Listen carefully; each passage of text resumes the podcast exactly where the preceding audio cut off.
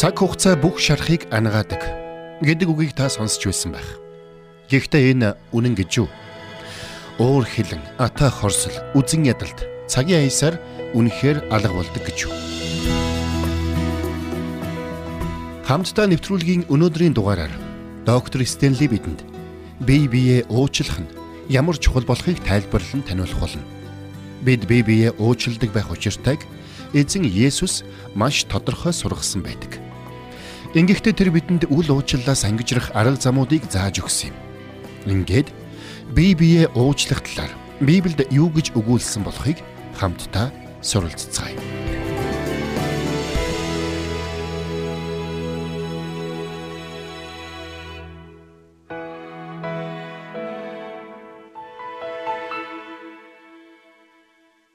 Биднийг эрх чөлөөтэй болгон чөлөөлөхийн тулд ирсэн гэдгээ Эзэн Есүс хэлсэн байдгийм. Гэвч өнөөдөр маш олон хүн хүлээстэйгээр эрх чөлөөгүй амьдралаар амьдарсаар байна. Тэдний ихэнх нь ийм хүлээсэн дор амьдарч байгаагаа өөрсдөө ч мэдэхгүй явсаар байдгийм. Тэгвэл биднийг ийхүү хүлж байдаг аюултай хүлээсүүдийн нэг нь үл уучлал байдгийм. Эзэн Есүс өөрөө уучлалын тухай маш олон зүйлийг бидэнд зааж сургасан байна. Ингэхдээ тэрээр биднийг бусдыг уучилдаг байхыг дахин дахин сануулж, уучлалын үлгэр дуурайллыг амьдралаараа бидэнд үлгэрлэн харуулсан юм.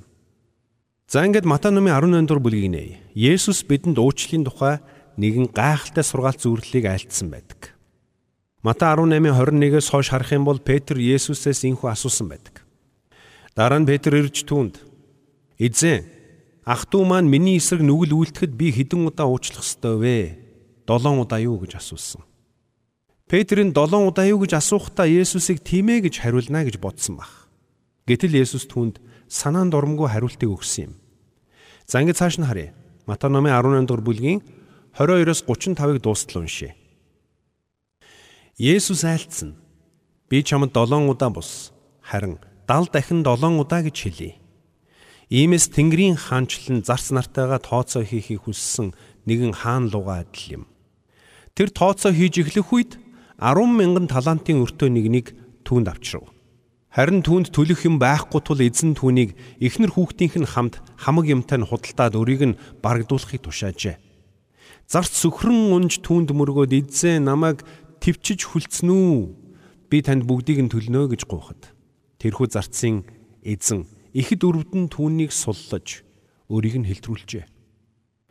Харин өнөөх зарц гадагш гараад өөрт нь 100 динарын өртөө байсан анд болох нэгэн зарцыг олж хараад барьж авч хоолойг нь боон өрөө төлгөв. Харин анд нь болох тэр зарц сөхрөн унж түүнээс гуйн намайг төвчж хүлцээч чамд бүгдийг төлнө гэжээ. Харин тэр үл хүсэн явж түүнийг өр ширээ төлтөл нь шоронд хаяв.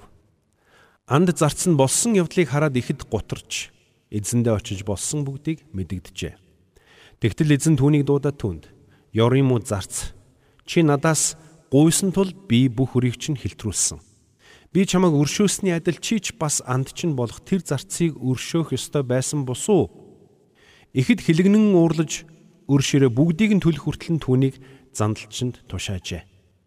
Түүнчлэн та нарын нэг бүрчин ゥ угээ зүрхнээсээ эс уучлах аваас Тэнгэрлэг эцэг чинь ч та нарт мөн тэгж хандах болно гэж Есүс хэлжээ. За тэгвэл эзэн Есүс энэ бүхнийг ярих болсон шалтгаан нь маш энгийн юм.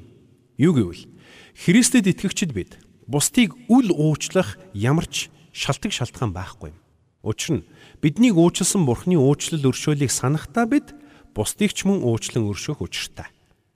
Гэвч хэрвээ нухацтай бодод үзэх юм бол бид бүгдээрээ их баг ямар нэгэн байдлаар биднийг хохироож биднийг гомдоосон тэр нэгэнд хахир хатуу хандсан хിവэрэ байдаг анд нөхрийнхөө хоолойг бон өрөө нэгсэн тэр зарц шиг бид ч бас бусдыг хохироож гомдоосон тэр нэгний хоолойг бон хариуг авахыг хүсдэг юм.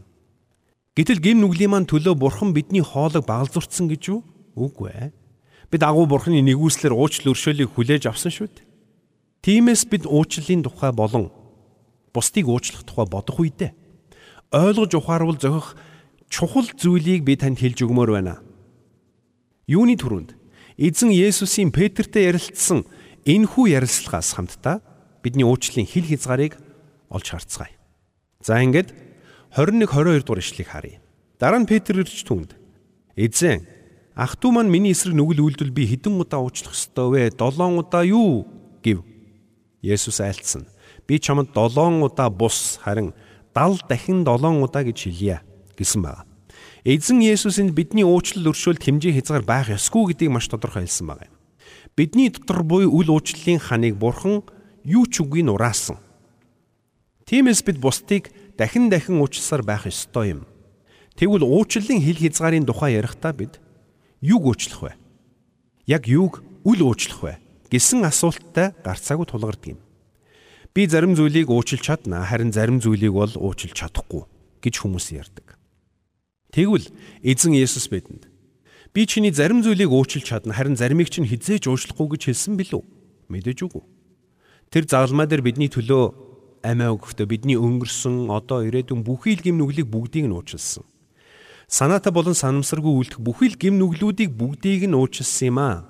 Тиймээс бусдыг уучлах бидний уучлалын хил хязгаар маш энгийн юм. Юу гэвэл бусдыг уучлах бидний уучлалд ямар ч хил хязгаар байх ёсгүй юм. Бид хичнээн удаан шаардлагатай байна, төчнөн удаа бусдыг уучлах ёстой юм. Нэгдүгээрт. За хоёрдугаарт. Энд та нэг зүйлийг анхааралтай хараарай. Энэ бол маш чухал зүйл юм. Энэ бол цаг хугацаа буюу бид бусдыг уучлахдаа яг хизээ уучлах вэ гэсэн асуудал юм. Жишээ нь хин нэгэн хүн биднийг хохироож шархлуулжээ гэж бодъё. Тэгээд тэр хүн тань дээр ирээд би буруу зүйл хийжээ, намайг уучлаарай гэж хэлбэл та юу гэж хэлэх вэ? Би энэ талаар бодож үзье гэж хэлэх үү? Хэрвээ та би энэ талаар бодож үзье гэж хэлж байгаа бол тэр мөчид чинь сатан таны дотор бэхлэлтэд барьж байгуулж эхлэх болно. Тэгвэл бидний эсрэг нүгэл үлдсэн хүмүүсийг бид хизээ уучлах ёстой юм бэ? Бид тэр хүмүүсийг тэр даруйд нь уучлах хэрэгтэй. Учир нь бид энэ талаар бодож үзье хэмээн хойш тавих юм бол бидний дотор үл уучлаас ихтэй хорслын гашуун үндэс аажмаар ургаж эхлэх болно. Эзэн Есүс хэлэхдээ бидний эсрэг нүгэл үлдсэн хүмүүсийг уучлах ёстой гэж тушаасан. Харин бид тэр хүмүүсийг тэр даруйд нь уучлах чадах юм бол бидний дотор үл уучлаас ихтэй хорслын гашуун үндэс хизээж ургахгүй. Эсвэргээр тэр хүнийг уучлахаа хойш тавих тусам бидний дотор хорслын гашуун үндэс улам гүн урсаар байх болно шүү. Тиймээс та хэдий чинээ хурдан уучлан төдий чинээ танд тустай юм. Бид бусдыг уучлахдаа тэр дорн бас бүр мөсөн уучлах хэрэгтэй. Учир нь Есүс Христ загалмай дээр бидний гим нүглийг аль хэдийн бүгдийг нь уучлсан юм. Тэр бидний гим нүглийг бүр мөсөн уучлсан. Түүнээс биш. Бурхан эцэг минь хэрвээ тэд гимшин залбирх юм бол би тэднийг уучлалнаа. Харин гимшин залбирахгүй бол уучлахгүй шүү гэж Есүс залбираагүй. Тиймээс бид бусдыг уучлахдаа хизээд бэлэн байх учиртай. Учир нь бидэнд бусдыг уучлахгүй байх шалтгаан шалтгаан байхгүй. Нөгөө тэгвэр ингэснээрээ бид үл уучлалын хүлээснээс ангид амьдарч чадна. Харамсалтай нь өнөөдөр 60 70 гарсан хойнооч үл уучлал ата хорслын хүлээсэнд бүрэн хүлэгдчихсэн. Амьдрал нь бүхлээр үүгэр бүрэн хортчихсон хүмүүс олон байдаг юм. Учир нь зүрх сэтгэлдээ үл уучлалыг тээх нь таныг дотроос ч нь ялзруулж, таныг дотроос ч нь устгах болно. Энэ нь Таны амьдралаас амар тайван аз жаргал баяр хөөр сэтгэл хангалуун байдлыг чинь булаах болно. Хэрвээ та үл үйлчлэлийн хүлээсэн дор амьдарч байгаа бол та амьдралдаа хизээж сэтгэл хангалуун байдлыг олохгүй. Гэтэл эцсийн дүндээ үл уучлалын хүлээсэнд хүлэгдэх эсэх шийдвэрийг бид өөрсдөө гаргадаг болохоос өөр хэн нэгэн хүн бидний өмнөөс гаргадаггүй. Бидний гомдож хохироосон хүн ч үнийг биднэр хүчээр хийлгэж чадахгүй. Тэр хүн бидэнд юу ч хийсэн байлаа гэсэн бид тэр хүнийг уучлах тэр мөчөд харин бид үл уучлалын хүлээснээс мултарч харин бурхантай учир зүгээ ололцож цаашлаад биднээс уучлал гуйх, эвлэрэх эсэх сонголт цаад хүний нуруунд дээр үлдэх болно. Харин бид уучлалын эрх чөлөөн дотор үргэлжлүүлэн амьдрах болно. Зүрх сэтгэл маань уучлалаар дүүрэн бэлхахаас нааш бид хизэж бүрэн дүүрэн эрх чөлөөтэй амьдарч чадахгүй. Учир нь бидний эргэн тойронд байгаа хүмүүс үг болон үйлдэлээр санаатай болон санамсаргүй байдлаар биднийг үргэлж шархлуулж байдаг юм. Харин бидний дотор уучлал байгаа цагт бид жинхэнэ эрх чөлөө дотор алхаж чадна. Гэхдээ бид бусдыг хизээ уучлах вэ гэдэг маш чухал гэдгийг бид ойлгох хэрэгтэй. Бусад хүмүүс бидний гомдож хохироосон даруйд нь уучлах нь чухал байдаг юм. Учир нь бид уучлахаас хойш суух тусам бид үл уучлалын хүлээсэнд гүн автсаар байх болно ата хорслын хортой үндэс бидний амьдралд улам гүн үндэслэх болно. Тиймээс бусдыг зүгээр нэг уучлаад зогсох биш. Харин хизээ уучлах вэ гэдэг нь маш чухал асуудал юм. За тэгэхээр өнөөдөр найс нөхдийг юу холдуулдаг вэ? Ажлын хамт олныг юу хагаралдуулдаг вэ? Гэр бүлүүдийг юу хуваадаг вэ? Бид бие биенээ газар дээр нь уучлахын оронд харин үл уучлалыг зүрхэндээ тээснээс үүссэн хорсол энэ бүхнийг бий болгодог юм. Бид хэн нэгэнд гомдож хорссон үедээ тэр хүнээ тэр даруй уучлахын оронд үл уучлал гомдол хорслоо зүрхэндээ тээж эхлэх үед энэ нь бидний эргэн тойронд хагарал хуваагдал үүсгэх шалтгаан болдгийм. Харин Есүс бидэнд бусдыг уучилдаг байхыг сургасан. Христэд итгэгчид бид уучлалаар дүүрэн хүмүүс байх учиртай. Бид бусдыг үргэлж уучилдаг байх учиртай. Тиймээс та одоо миний хэлэх үгийг анхааралтай сонсоорой. Үл уучлалын хүлээсэнд хүлэгдэх эсэх сонголт зөвхөн таны гартал байдаг гэдгийг та ойлгоорой. Өөр хинч таны хүчээр үл уучлалын хүлээсэнд оруулж чадахгүй. Та өөрөө л энэ сонголтыг хийдэг. Үл уучлалыг зүрхэндээ тээгч нэгэн өөрөө өөрийгөө тойруулан шорон барьж байдаг юм. Харин Есүс Христ хэлэхдээ би та нарыг эрх чөлөөтэй болгохын тулд ирсэн гэж айлтсан юм. Тиймээс Есүс Христтэй хамт байгаа нэгэн үл уучлалын шорон дотор амьдрах нь зохимжгүй юм. Нөгөөтэйгүр бид ийм шоронд хоригдохгүй байя гэвэл бусдыг уучлахдаа хойш тавилгүй. Харин тэр даруй уучлал сурах учиртай юм. Магадгүй та дотроо бусдыг үргэлж уучлж чаддаг нэгэн байхын тулд би яах ёстой вэ гэж бодож байж болох юм. Тэгвэл би танд хэлж өгье. Хэрвээ Есүс Христ бидний хувьд хийм бэ гэдгийг би бүрэн дүүрэн ойлгох юм бол та бусдыг үргэлж уучлан амьдрч чадах болно. Хэрвээ бидний амьдралд Есүс ямар чухал юм бэ гэдгийг ойлгох юм бол орчлон ертөнцийг бүтээсэн Бурхан бидний амьдралыг хянаж байдаг гэдгийг ухаарах юм бол бас бид ам амьдралаа түүний төлөө зориулах ёстой гэдгийг мэдэх юм бол тэр цагт бидний амьдралд Бурхны зөвшөөрөлгүйгээр юу ч тохиолдохгүй гэдгийг ч мөн ойлгох болно. Тэгвэл эзний тэнгэрлэгч эзнээс эмээгчдийг хүрээлэн байж тэднийг авран хамгаалдаг юм. Христэд итгэгч Бурхны хүүхдүүд болсон бид ч бас эзний тэнгэрлэгч нарын хамгаалалтын дунд амьдардаг гэдгийг ойлгох хэрэгтэй. Тэгвэл нэг нь Бурхны зөвшөөрөлгүйгээр юу ч бидэнд хүрч чадахгүй юм бол бидний амьдрал тохиолдож байгаа бүхэн Бурхны хүсэл зорилгын дагуу тохиолдож байна гэсэн үг юм. Тиймээс хэрвээ бид Роми 8:28-д бичигдсэнчлэн Бурхныг хайрладаг түүний зорилгын дагуу дуудагдсан хүмүүсийн сайн сайхны төлөө бүх юм нь хамтдаа ажилдаг гэдгийг бид мэднэ гэсэн үгэнд итгэдэг юм бол бидний амьдралд тохиолдсон таагүй зүйлс ч бас Бурхны зорилгын дагуу бидний сайнны төлөө гэдэгт итгэх учиртай юм. Тиймээс бидний гомдоож хохироосон хүмүүсийг ч бас Бурхан зөвшөөрсөн учраас тэр биднийг уучлан өршөөх учиртай гэсэн үг. Бурхан зөвшөөрсөн гэдэг нь Бурхан тэр бүхнийг сэдэж зохион байгуулсан гэсэн үг биш. Харин Бурхан тэр таагүй зүйлс бидний амьдралд тохиолдохыг Бурхан зөвшөөрч түүнээс ирэх зовлон бэрхшээлээр дамжуулан бидний амьдралд буй сулдраа байдал, бүтэлгүйтэл, алдаа дутагдлыг илчилж биднийг өөрлөгөө улам илүү ойртуулдаг юм. Саяхан нэг хүн надад тун таагүй хандсныг би санаж байна. Тэр үед миний дотор хамгийн түрүүнд Үүний хариуд би хоёр замаар хариу үйлдэл үзүүлж болох юм байна гэсэн бодол төрсөн. Нэг бол тэр хүнийг уучлана, нэг бол тэр хүнээс хариуг аавна. Гэхдээ үүний дараа өөр нэгэн бодол миний толгойд зурсхийн орж ирсэн юм. Тэр бол би үнэхээр Роми 8:28 буюу Бурхныг хайрладаг юм бол түүний зорилгын дагуу дуудагдсан бол сайн сайхны төлөө бүх юм хамтдаа ажилддаг юм байна миний төлөө гэдгийг сансан юм. Энд би итгэхүү гэж өөрөөсөө асуусан юм. Хэрвээ тийм бол тэр хүнийг яг одоо уучлах хэрэгтэй гэж би бодсон. Тэгэд би уучлсан. Одоо бол тэр үед яг юу болсныг ч сайн санахгүй байна. Яагаад гэвэл би уучлсан учраас мартаж орхисон хэрэг. Эцэг эхчүүд хүүхдүүддээ яг л ингэж ханддаг шүү дээ. Хүүхд наав эсвэл ээж дээрээ ирээд та намайг энэ зүйлийг хийгээрэй гэсэн. Би хийхээ мартсан байна. Намайг уучлаарай. Би дахиж ийм алдаа гаргахгүй. Намайг уучлаарай гэж хэлбэл эцэг эх нь юу гэж хэлдэг гэж? За байц. Энэ тухай чинь би бодож үзье. Тэгээд бодож байгаад уучлах хэсгээ шийдье гэж хэлдэггүй. Мэдээж үгүй шүү дээ. Бидний бурхан эцэгч бидэнд ингэж ханддаггүй.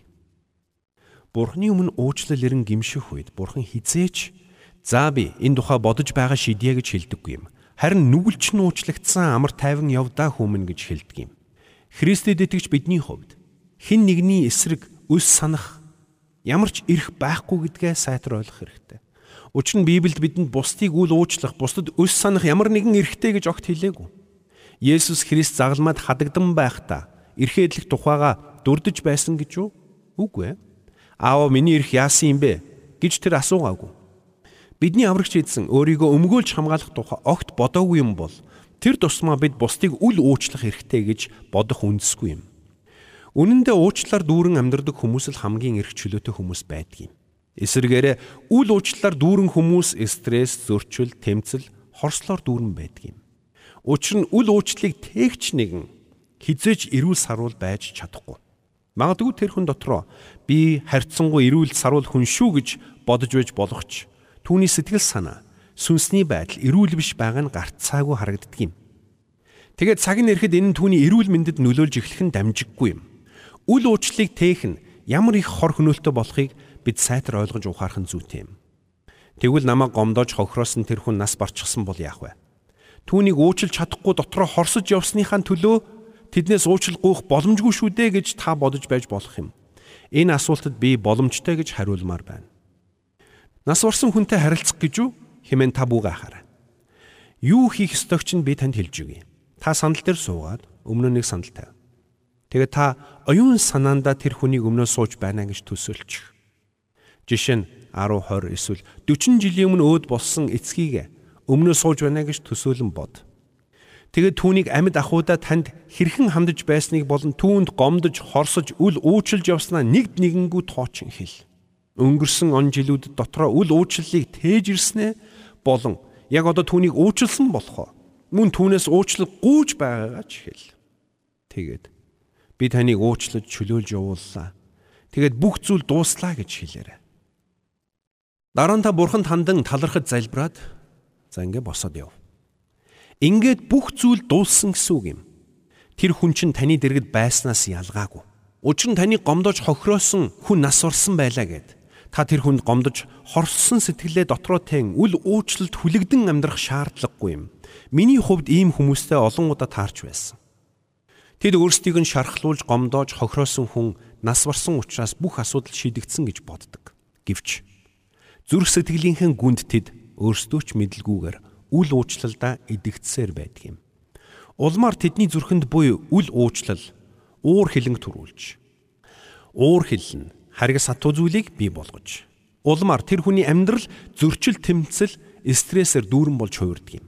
Учир нь зүрх сэтгэлийнхэн гүнд тэд үл уучлалдаа автаж хариу авахыг хүссэн ч хариу авах хүн байхгүй босонд бухимдж явдаг юм. Хэрвээ таач бас ийм байдалд орсон бол би танд хэлье. Та энэ асуудлаа шийдэж чадна. Танд ердөө хоёр сандал хэрэгтэй. Тэгээд тэр хүнтэйгээ илэн далангүй ярилцаж асуудлаа шийд. Тэр цагт бурхан таныг чөлөөлөх болно. Тань тэр хүнийг үл уучлж үзэн ядах хэрэг байхгүй. Тиймээс үл уучлалаасаа ангижир. Тэгэхээр та бусдыг уучлж үл уучлалаасаа ангижрахын тулд дараах алхмуудыг хийгээрэй. Маш чухал алхмууд учраас та бичиж тэмдэглэж аваарай. Нэгдүгürt өөрт байгаа буруу хандлагын төлөө гимшээрэй. Тэгээд цаад хүндээ болон түүний гаргасан үйлдэлд хандаж буй хандлага өөрчил. Хоёрдугаар сэтгэл зүрхэндээ тэр хүнийг тавьж явуул. Бурхан минь би тэр хүнийг зүрхэндээ тавьж явууллаа. Би тэр хүнтэй тооцоо бодохгүй. Түүнийг бурхны моторт үлдээлээ хэмээн залбир. Гуравдугаарт хүлээн зөвшөөр. Тэр хүмүүсийг таны амьдралд буй сул талыг тань илчилж өгөхийн тулд бурхнаар хэрэглэгдсэн багж зэмсэг гэдгийг хүлээн зөвшөөр. Тэгээд тэдний төлөө бурхан талрах. Танд тэр хүн буруугаар хандсан ч та хариуд нь зөвийг үйлдвэл энэ нь юу гэлчлэн харуулж байна вэ? Та бурхан дотор өссөн байна гэсэн үг юм. Хэрвээ та тэр хүнд буруу хариу үйлдэл гаргаад дараа нь үүнийгээ засаж залруулсан бол яах вэ? Та мөн л итгэлээр өсөж байна гэсэн үг юм. Тиймээс хэн нэгэн хүнд таагүй хандах нь дандаа муу байдаггүй гэдгийг ойлгоорой. Хэрвээ та тэр хүнд чи уучлагдсан надад чиний эсрэг муу сансан зүйл үгүй. Бурханд талархъя гэж үннээсээ хэлж чадаж байгаа бол та энэ дэлхий дээр байгаа. Хин хүнээс илүү эрх чөлөөтэй нэгэн гэсэн үг юм. Учир нь үл уучлаас ангид хүн шиг эрх чөлөөтэй нэгэн гэж үгүй юм. Дараа нь Бурхны нэгүсэл болон сайн сайхныг сана. Бурхны таныг хэрхэн хайрлаж, таныг хичнээн удаа уучласныг сана. Энч бас бусдыг уучлах үйл явдсын салшгүй нэгэн хэсэг юм. Зүгээр л Бурхан таны төлөө юу хийснийг сана. Хэрвээ та Бурхны оронд байсан бол өөрийгөө уучлах чадхааргүй байсан тэр бүх зүйлийг чинь Бурхан уучлсан гэдгийг сана. Бурхан таныг уучлсан гэдэг нь Бурхан таныг буруу үйлдэлийг мартсан гэсэн үг. Тэр уучлсан зүйлээ дахин дахин сөхөдөггүй гэдгийг та санаарай. Дараагийн алхам бол эвлэрэл. Хэрвээ бид үл уучлалын хүлээснээс бүрэн ангижрахыг хүсчил байгаа бол цаад хүнтэйгээ уулзаж эвлэрэх алхмыг хийх хэрэгтэй. Хамгийн сүүл таны санаж байх ёстой чухал алхам бол энэ бүх алхмуудыг хэрэгжүүлэх мэрэгэн ухаан хүч чадал, эрд зориг, итгэлийг өгнө гэдэгт бурханд итгэж найдах явдал юм. Та миний саяын хэлсэн алхмуудыг өөрийнхөө нөхцөл байдалд тааруулан бүтээлчээр хэрэгжүүлээрэй. Эцэст нь танд нэг чухал зүйлийг хэлэхэд та цаад хүнээ жинхнээсээ уучлсан болохыг илтгэх ямар нэгэн шинж тэмдгүүд таны амьдралаас ажиглагдж байгаа эсхийг анзаараарай. Тэгээд тэр бүх шинж тэмдгүүдийг жигсааж бичээрэй.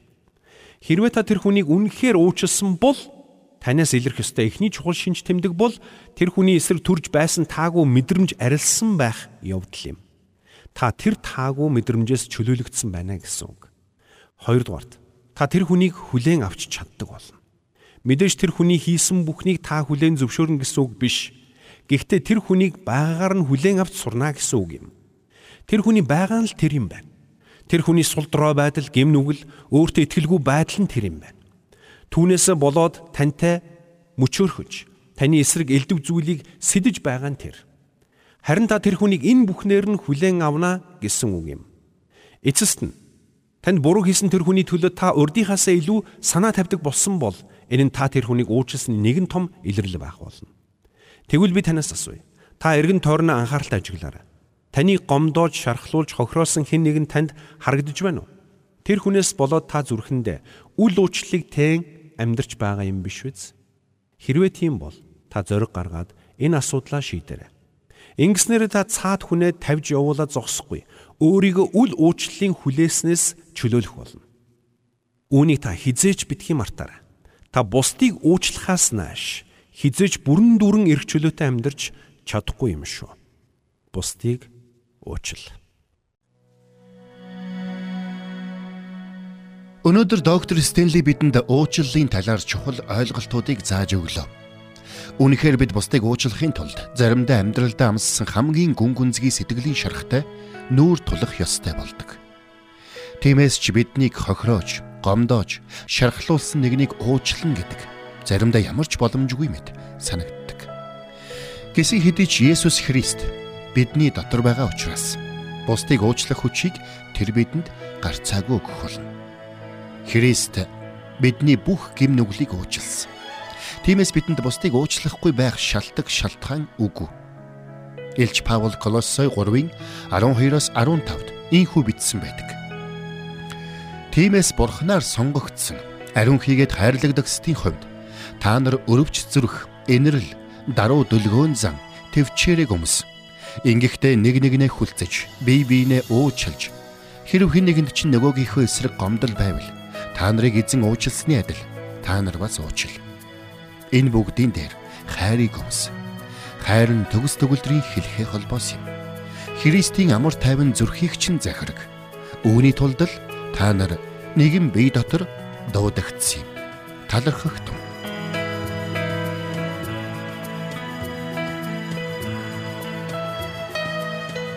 Бурханд тэмүүлсэн сэтгэл хүмүүсийг энэрх зөрхөөр амьдрахад туслах номлогч доктор Чарлз Стенлигийн хамттай нэвтрүүлэг сонсогч танд хүрлээ.